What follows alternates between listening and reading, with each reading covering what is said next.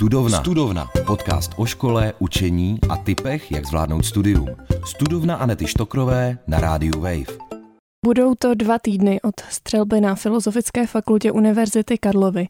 Tahle tragická událost se dotkla spousty lidí, včetně studentstva, a i proto se jí budeme dneska věnovat ve studovně, a to s psychologem Janem Kulhánkem. Dobrý den. Dobrý den. Jak se s takovou událostí dá vyrovnat? Těžko, těžko se s tím dá vyrovnat. Já možná využiju nejdřív té příležitosti a uh, chtěl bych prostě všem, uh, všem pozůstalým sdělit uh, upřímnou soustrast. A všem, kteří byli přímí účastníky, tak teda vlastně vyjádřit nějakou lítost, že vůbec se do takové situace dostali a museli něco takového zažít. A vlastně tak trochu je mi, jestli to nebude znít blbě, líto nás všech, protože vlastně se to dotklo podstatě každýho, byť je velmi vzdálený, eh, myslím, tím není student, nežije v Praze a podobně, ale eh, výrazně to nabouralo nějaký pocit, eh, nějakou míru jistoty nebo nějaký pocit určitýho bezpečí, který tady vlastně do téhle doby nějak převládal v téhle zemi. Jo, vždycky jsme si říkali, tohle se nám prostě nemůže stát, být samozřejmě nějaký teda zkušenosti dramatické už jsme taky zažili, ale zdaleka ne v takovémhle rozsahu. A takže eh, se s tím nějak budeme vyrovnávat všichni, každý po svým trochu a každý má jinou intenzitu eh, toho, jak se o to vlastně dotklo, tahle událost, jak ho to zasáhlo. Říkám si, že bezprostředně po té události nastal nějaký šok. Co může nastat potom, po dvou týdnech, když už od toho máme trochu i nějaký časový odstup? No, tady se to může taky lišit. E, nastal šok, který se ale u někoho projeví tím, že se, jak se říká, sesype, nebo má prostě intenzivní emoce. E, většinou jako velký jako úzkosti, lítost, smutek, vztek, intenzivní emoce. A e, někdo jiný, a je to taky v podstatě normální reakce, v rámci toho šoku nemá žádný moc emoce velký, jako něco málo cítí, ale je spíš jako nastavený na to, eh, nějak, na nějakou míru aktivity, jo? že potřebuje prostě v tu chvíli něco dělat a moc si neuvědomuje eh, ten, eh, ten zásah velký. A to přijde obvykle se spožděním někdy hodin, někdy i dnů.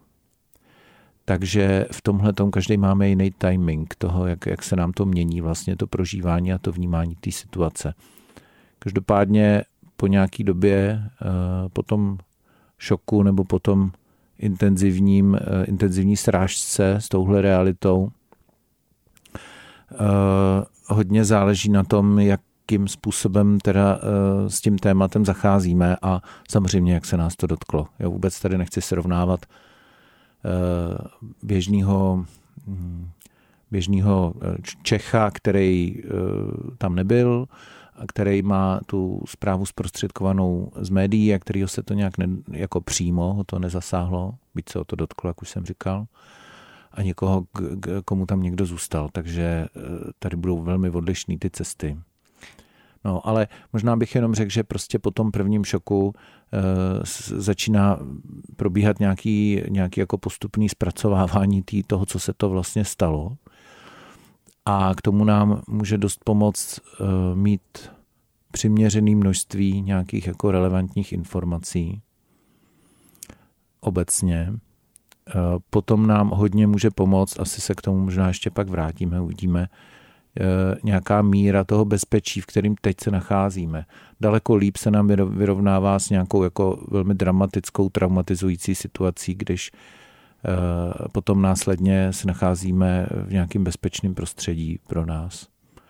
No a pak eh, bezpečný prostředí, myslím tím třeba domov a kontakt s blízkými, nebo eh, prostě s partnerem, nebo prostě něco, co, kde se cítíme relativně jako v bezpečí a, a kde cítíme nějakou sounáležitost nebo blízkost. No a potom pak taky asi řada z nás bude, a to je otázka, jestli se to někdy pořádně dozvíme, bude potřebovat nějak rozumět tomu, proč se to vlastně celý stalo a co můžeme dělat pro to, abychom snížili míru rizika, že se to bude opakovat. My tomu nemůžeme zabránit, ale můžeme, dejme tomu, přemýšlet, co se dá dělat pro to, aby se to stalo s, menší, s co nejmenší pravděpodobností něco podobného znova. Pojďme se na ty způsoby, jak si pomoct, nahlédnout na ně z různých pozic. Hmm. Jak můžu pomoct sobě, když se mě ta událost přímo týká, když jsem třeba přímo student té fakulty nebo jsem dokonce byla u toho, hmm. Hmm. jak můžu pomoct sobě? K, prosím posluchače, aby brali to tak jako trošku s rezervou, protože se bavíme hodně obecně, jo, ale ono to asi teď jinak nejde, tak uh, je dobrý si zkusit vzpomenout, když pokud jsme se někdy v životě nacházeli v nějaký velmi těžký krizové situaci, co nám tehdy pomohlo, co pro nás tehdy bylo užitečné a co nám naopak vůbec nepomohlo. Protože chtělo se mi třeba říct, že je dobrý na ty myšlenky a emoce nezůstávat, nebýt sám, eh, to znamená mít možnost to někomu říct a s někým to sdílet. Eh, zároveň, takže tady prostě samozřejmě ideální je, když můžu takhle sdílet s někým blízkým, komu koho znám, komu důvěřuju, eh, o koho se nebojím, že ho tím nějak budu rozesmutňovat nebo trápit, kdo to prostě ustojí a kdo bude moc být se mnou. Pokud někoho takového nemám, anebo to nestačí, anebo prostě jsem tak nastavený, že si to úplně nedovolím, tak bych měl využít na to sdílení a na to ventilování těch vlastně toho přetlaku a těch té hromady eh, různých úzkostí, představ, fantazí a steku a všechno možný eh, nějakou odbornou pomoc. Vůbec není ostuda se prostě v té krizi taky na někoho obrátit. Ale tady je důležitý, že my, třeba ostatní, kteří jsme přímo u toho nebyli a budeme chtít někomu nabídnout pomocnou ruku nebo ucho, tak eh, bychom to neměli brát tak, že je potřeba, teď se z toho musíš rychle vypovídat, protože je důležité, aby to bylo dobře dávkovaný a aby to opravdu probíhalo jako v bezpečném v bezpečném prostoru. To znamená, byl na to klid, věděli jsme, že nebudeme muset za chvilku utíkat, že ten člověk se neotevře, zůstane otevřený a my musíme běžet prostě na tramvaj.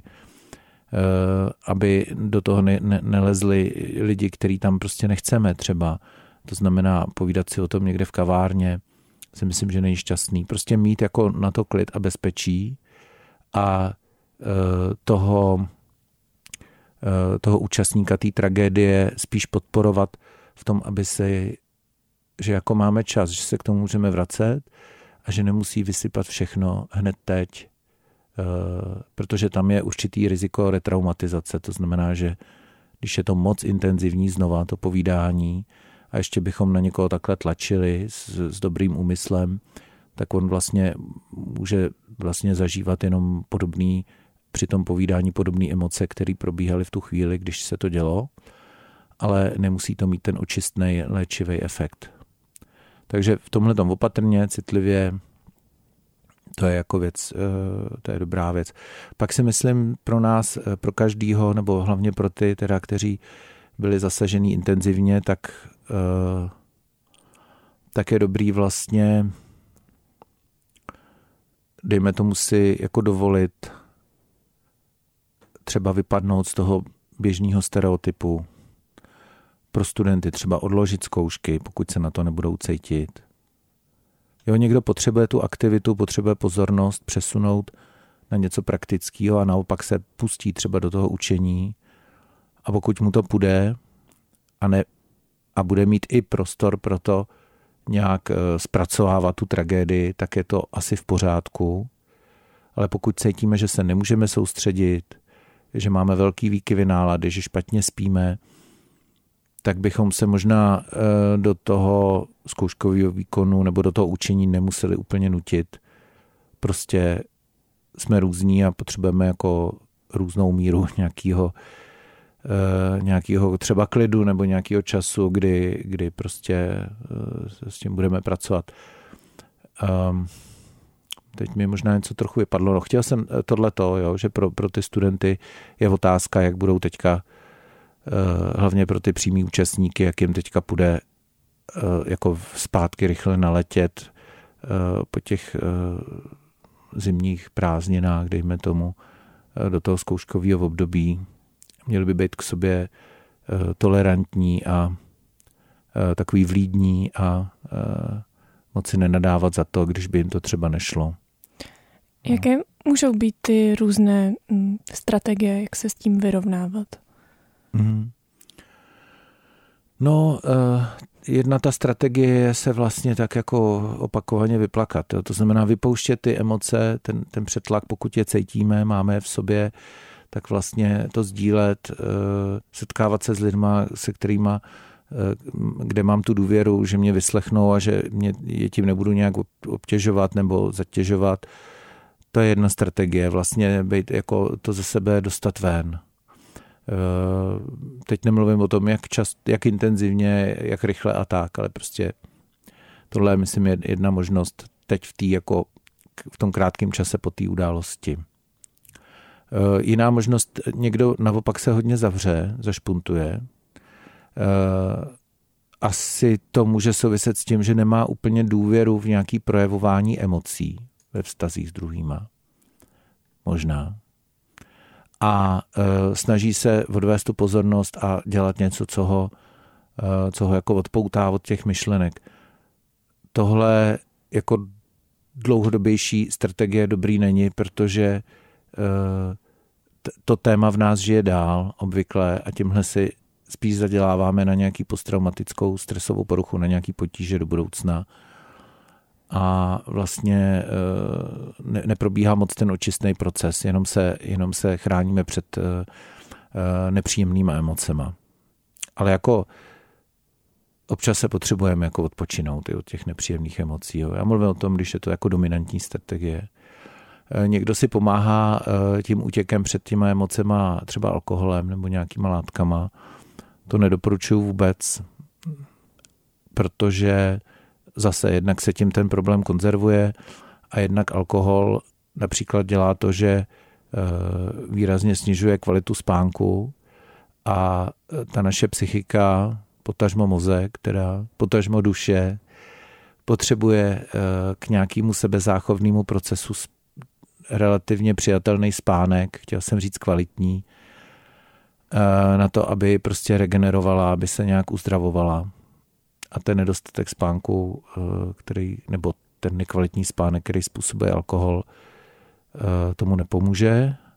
Navíc alkohol obvykle eh, mění i naše, naše jakoby emotivní reagování v tom smyslu, že třeba místo smutku, hlavně u mužů se to stává, tak místo toho, aby byli smutní a truchlili, tak začnou být agresivní a a pak si vlastně se cítí provinile, protože ta agresivita eh, nedobře korigovaná jim způsobuje prostě nějaký nový potíže.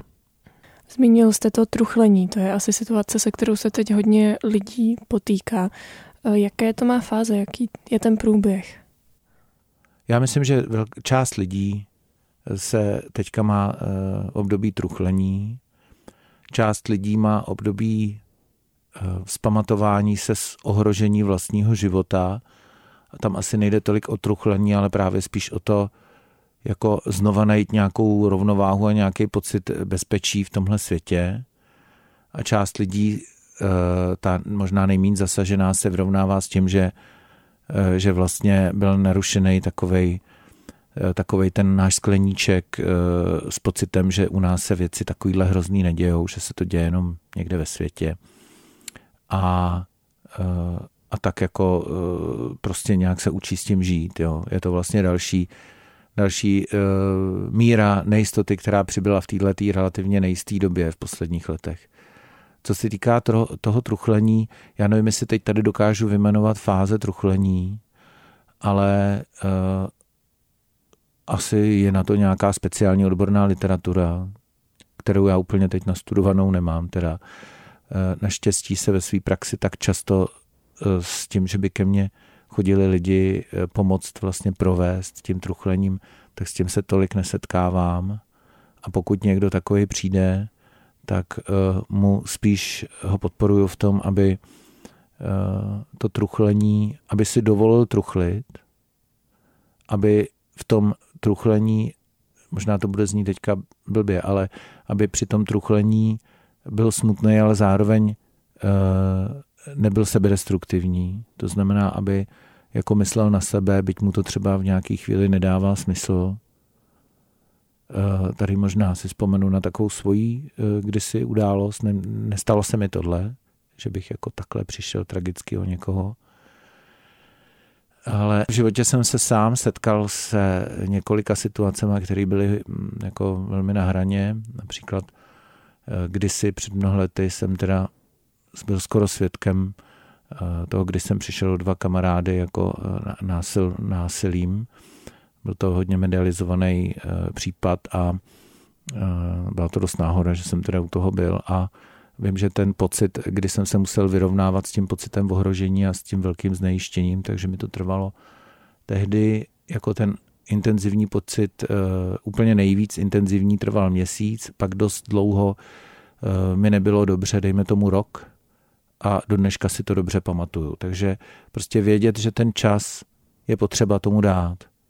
A co se týká truchlení, truchlení na jakoukoliv ztrátu, jo, Eh, někdy truchlíme, i když eh, třeba přijdem o velmi důležitý vztah. A já si pamatuju, taky jsem kdysi zažil takový velmi jako eh, pro mě hodně dramatický rozchod, jako hodně mladý kluk. A určitě tam probíhalo nějaký truchlení. A já jsem si pak v nějaký moment uvědomil, že prostě i když se mi do ničeho nechce a nic mi nedává smysl, tak jsem nějak jako někde za, za, zauvěřil tomu, že jednou tohle asi skončí a že bych pak mohl mít nový deprese z toho, co všechno jsem za tu dobu truchlení neudělal pro pás a nebo nechal někde odplout nebo zničit. Jo. A to mi tenkrát pomohlo eh, se vlastně nějak trochu vzchopit a aspoň v nějaký omezený míře začít eh, se o sebe starat a starat o své povinnosti, nějaký studia a tak. Tak eh, možná něco takového bych trochu jako doporučil ale možná to bude chtít ještě nějaký čas, aby lidi, kteří jsou v té fázi truchlení, aby eh, prostě nějak si uvědomili, že, eh, že ty lidi, o který přišli, by určitě nechtěli, aby, eh, aby to odnesli i ty pozůstalí, takže prostě bude potřeba v nějaký moment si říct, prostě na ty, o který jsme přišli, nikdy nezapomenem, tomu pachateli to taky nikdy nezapomenem, ale uh, musíme se o sebe prostě postarat. Je potřeba uh, ten život jde dál prostě nějak, ale myslím, že na to ještě asi bude nějaký čas. To bude ještě nějakou dobu trvat. Povídali jsme si o tom, jak pomoct sobě, když jsem byl přímo hmm. u té hmm. situace jak pomoct vlastně bližním, protože to mi taky přijde, hmm. Mm, že když se o tom bavím s lidmi, tak skoro každý tam někoho zná, nebo ať už hmm. přímo nebo nepřímo, tak to jsme taky zmínili, jak třeba si po, o tom povídat nebo i nepovídat eh, s kamarády. A mě tam eh, ještě napadá, vy jste říkal o tom retraumatu. Hmm. Hmm. Jak opečovat tohle? Hmm. Hmm tak eh, myslím si, že je dobrý nabízet. Jo. Pokud máme prostě někoho spolužáka, kamaráda, kdo se účastnil, kdo zrovna v té eh, době byl na tom místě, kde nikdo z nás být nechce zpětně, tak, eh, tak vlastně můžu nabízet pomoc ve smyslu, když si budeš chtít promluvit, tak tě vyslechnu. Jsem tady v tu chvíli pro tebe a když on bude říkat, já tě s tím nechci otravovat, tak řeknu, hele, prostě ty s tím máš mnohem větší těžko, těžkosti, než uh, co to udělá se mnou, až tě budu poslouchat, takže se neboj, já to zvládnu. A když bych věděl, že to nezvládnu, protože mám třeba taky svý trauma nějaký staršího, nějaký staršího rázu, nebo prostě mám taky zrovna ten těžký život z jiného důvodu, tak pak tohle nenabízím, ale nabídnu pomoc. Uh, já na to ne, nemám teďka kapacitu. Rád, rád bych pro tebe něco udělal ve smyslu třeba budu se s tebou projít, nebo eh, pozvu tě na večeři, nebo prostě něco, nějaký vyjádření jako eh, solidarity, sounáležitosti, blízkosti, ale asi nezvládnu nějaký větší hovor na tohle téma, ale eh, můžu ti pomoct, můžu tě třeba doprovodit nebo ti dát nějaký kontakt někam k nějakým odborníkovi, který by ti mohl pomoct v tomhle směru. Prostě nabízet, ale zároveň trochu jako nezapomenout, že my máme taky nějaké možnosti nebo nějakou kapacitu nebo nějaký, nějak jsme nějak stavěný a něco zvládneme. Jo? Pak eh, je dobrý, většinou to bývá z úzkosti, nespěchat s nějakýma dobrýma radama. Jo? A to je právě i to třeba, hele, musíš si zajít k doktorovi, anebo eh, choď ven, to ti pomůže. Nejhorší jsou takový ty, hele, mě když bylo blbě, tak jsem začala, nebo začal běhat, bylo to výborný. Jo to je prostě úplná beznaděj, protože ten člověk, který to poslouchá, v tu chvíli takovým hranám absolutně nedůvěřuje. Má pocit, že je takový odbitej, tak jako obecně, a ještě, že mu e, nerozumíme, když mu říkáme takovéhle věci. Jo? E, tak e, tohle většinou to skoro, skoro nikdy jako nepomůže. No, e, dobrý je nabízet, dobrý je to nespěchat s nějakýma radama. Neříkám nikdy nikomu, já vím, jak se cítíš protože já to nevím. Já, mě zajímá, jak se cítíš, ale nevím to. Nevím, já nevím, jestli něco napadá vás, jo? co byste třeba, eh, jestli vy jste, já bych tady tyhle věci měl říkat já, ale nevím, jestli vy jste sama byla v téhle situaci teďka, kdy jste byla v situaci, že jste prostě si o tom povídala s přímým účastníkem. Já jsem byl v situaci, měli jsme vlastně den potom takový předvánoční setkání, stýkám se takhle čtyři rodiny, a e, v jedné rodině e, spolužačka té dcery dospívající, tak má starší sestru, která tam teda zemřela. A i, i když to bylo takhle neúplně přímý, teda ten rodinný příslušník, tak vlastně e, jsme se s tím dost jako vyrovnávali, jo? že to bylo takový jako velmi blízko už. Možná taky to podpořilo i to, že jsem, já bych to asi udělal stejně, že jsem pak teda si šel koupit ty svíčky a, a s někým, eh, koho mám rád, jsem tam šel prostě uh, zapálit svíčku. A není to jenom vyjádření solidarity a nějaký pěty, ale je to vlastně je to vlastně ten vnitřní proces, jak se s tím vyrovnat, jak udělat takový, někdo by řekl gesto, ale on to není gesto, je to prostě takový symbol nějaký, nebo takový nějaký krok, který se děje venku tím, tou cestou a tím zapálením a položením svíčky, ale celou tu dobu probíhá nějaký proces ve vás. Takže tohle třeba můžeme pomoct někomu i tím, že mu nabídneme, že s ním třeba půjdeme se účastnit, pokud bude mít zájem uh, takovýhle jako akce, aktivity. Pětních akcí. Hmm. Já právě, když jsem byla zapálit ty svíčky na tom pětním hmm. místě u školy, tak jsem si tam všimla třeba vzkazu, jako že láska je silnější, potom takové té hmm ilustrace, eh, na kterém je budova školy a studenti, kteří objímají. Hmm. V ten moment jsem měla pocit, že nás to jako studentstvo v nějakém smyslu i spojilo. Mm-hmm, mm-hmm. Tak jestli by se dali v té strašné situaci najít nějaké takovéhle světlé momenty. No my je nutně, hrozně nutně potřebujeme v takovéhle strašné situaci ty světlé momenty my je hrozně nutně potřebujeme, takže my, my jsme takový v tomhle proaktivní a nějak je potřebujeme taky vytvářet.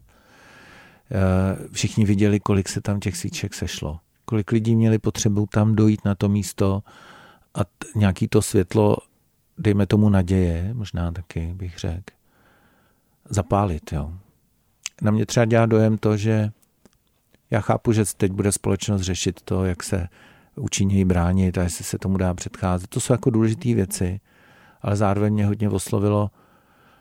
Eh, já mám pocit, že to říkal prezident v tom novoročním projevu, ale já jsem ho neslyšel celý, tak nebo v tom povánočním, nebo co to bylo, eh, že vlastně eh, je potřeba si nenechat vzít tu svobodu. A to si myslím hlavně ne tolik nějak tu svobodu nějakýma manévrama, akcema, ale myslím tu vnitřní svobodu.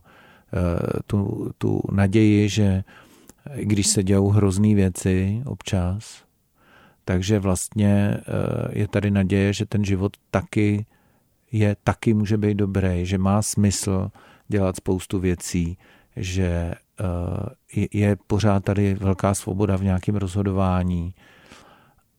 Já nevím, co si kdo pod tím ještě představuje. A myslím si, že to, kromě toho pocitu ohrožení, tak nějaký protitlak, protitah a hlavně hodně u mladých lidí, což jsou i studenti, tak to může právě vzedmout, bych řekl, ten, nechci být úplně patetické, ale tak to asi nevadí, že to sem patří k tomuhle. Vzedmout ten, ten protitah, jako ale my prostě eh, tu naší svobodu nedáme, nebo tu naší, eh, tu naší fakultu, nebo prostě ten náš život, jo, tu, tu před, naší představu o životě. My, my si prostě budeme nějak hájit, jo, jak si za ní stojíme. Ještě mě napadá, jak jsme už si povídali o těch různých pozicích, právě o tom, jak hmm. pomoct sobě, těm bližním. Ještě bych se chtěla zeptat na to, co když se mě to netýká v tom smyslu, že bych byla přímo během té střelby třeba ve škole, ale důsledky to na mě právě stejně má.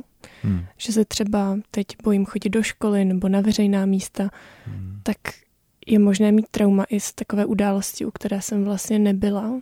A jak s tím pracovat? Určitě je to možné. Já myslím, že vlastně tím do určitý míry, trauma, míry traumatizovaná celá společnost. Je to ale různý, jo. Já, jsem, já se k tomu vrátím. Já jsem hned potom taky v pátek dopoledne byl na besedě, která byla dlouhodobě naplánovaná na jedné střední škole, kde byli úplně bezvadní jako lidi, studenti i, i personál, pedagogové.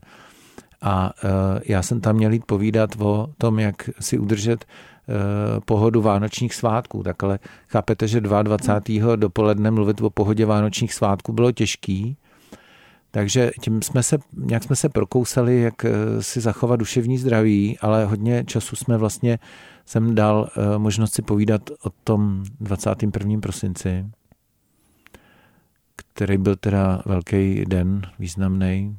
Významný pro mě a zrovna ten den mám narozeniny, jo, tak jsem si vždycky říkal, že to je teda to je takový silný den, no tak to byl silný den. A bavili jsme se o tom s těma studentama a tam Někdo říkal, co když nic necítím? A já jsem říkal, to je právě ale úplně v pořádku. Zasažený jsme tím nějak všichni a každý má nějak jinak, jako na to reagujeme. Jsme jinak poskládaný a e, někdo na to reaguje tak e, z toho psychologického hlediska e, tomu říkáme obrany, e, obrany, psychické obrany, který nám pomáhají udržet nějakou míru rovnováhy, bez který prostě ta naše psychika nefunguje. A ty obrany nás chrání před nějakou masivní destruktivní úzkostí, kterou prostě ta naše psychika těžko zvládá. A u někoho ty obrany jsou tak silný, že ho prostě nepustí do nějakých blbých stavů takhle blízko po té události, po té tragédii. Takže teď nevím, jestli jsem už úplně neutek, no prostě eh, ta situace může být fakt pro různý lidi různá, já, já vím, že to tady opakuju, ale dneska ale připadá mi to důležitý, protože pak někdo může se cítit provinile, že je nějaký necitlivý, nebo že, že je úplně málo brečí, nebo že, že nemá dost, já nevím, soucitu nebo něčeho, ale většinou je to spíš o tom, že uh, prostě je v něčem naopak možná citlivý dost a že ta psychika se chrání před nějakým větším propadem nebo něčím takovým. Ale vy jste se asi na něco ptala, já jsem zapomněl na co, tak no, stejně to téma tady furt je, že jo. Jo, no. to, to, to vy jste řekl, že vlastně je možné mít trauma z události, u které jo, jsem jo, třeba nebyla. Jo, já protože já třeba uh, jsem u té střelby nebyla, hmm. když se to stalo, ale byla jsem na brigádě a tam byl prostě kolektiv mladých lidí, studentek. Hmm. A my jsme to prožívali hodně skrze sociální sítě. Hmm. Ani ne hmm. skrze ta tradiční média, ale hmm. prostě Hodně z nás bylo v nějakém školním četu, kam bleskově hmm. prostě lítaly fotky, videa. V těch četech se to řešilo, bylo nám z toho tak jako blbě. Hmm. Tak uh, právě kvůli tomu jsem se i ptala, jak s tímhle hmm. případně pracovat. No, uh, jak s tím pracovat teď, že jo, když už je po všem, jo. Uh, to je, to, to jste ale otevřela to téma vlastně toho, že jsme do určitý míry byli taky jako přehlcený těma informacema, který vlastně nemají moc žádný praktický význam a dokonce nám ani nepomůžou tu situaci zvládnout. Jo. To, že na nás vylítne eh, prostě 200 fotek dramatických, strašných, eh, a myslím si, že tady se i řešilo potom, i tady byla nějaká jako sebereflexe médií, že i média to úplně nezvládly a vlastně eh, se k tomu často postavili jako k nějaký senzaci a vlastně není tam moc potom to přemýšlení o tom, jak co ta veřejnost unese, nebo jestli je tohle nutné všechno zveřejňovat. Na druhou stranu sociální sítě si žijou svým vlastním životem a tam s tím nic neuděláte. Takže teď už to máme, prostě teď už jsme to dostali, tuhle, tuhle bombu informační a už nám nezbývá, než se z ní vzpamatovat. Uh, jinak je lepší, ale uh, těžko se to někomu radí, protože ono nám to taky nedá. Jo? A je lepší, uh, když se takováhle věc stane, tak tak opravdu jenom zjistit, jestli jsme nepřišli o někoho blízkého, nebo jestli někdo z našich blízkých není v nějaký těžký nouzi, ale snažit se jako vyloženě nebejt ten lovec těch informací, nebo nebejt do toho, příliš do toho nezapadnout, prostě jako trochu na sebe být opatrný v tomhle, nebo nějak uh, u, těch, u těch médií to jde blbě, teda u těch sociálních sítí to jde blbě, jo. U těch médií tam si můžeme uh, nastavit mm, něco, čemu říkáme informační dieta, prostě si vybrat nějaký jedno důvěryhodný médium, třeba tam být teda nějaký, nějak informovaný a, a pak dál jako nelovit, nebrouzdat na té síti, nesedět nad tím dál a dál. Co je ale zajímavé, že eh, tyhle různé tragédie tu pozornost hrozně přitahují, takže je velmi těžký se tomu bránit. Teď bych řekl, že v tuhle chvíli, když už to teda jsme takhle dostali, tu velkou vlnu, tak e, bych já, když budu cítit, že něco potřebuju, že mi není dobře, tak bych asi si se zúčastnil nějaký pěty, nebo bych si klidně nějakou pětu udělal doma. Může být od někať z dálky, z jeseníků a tak, jo.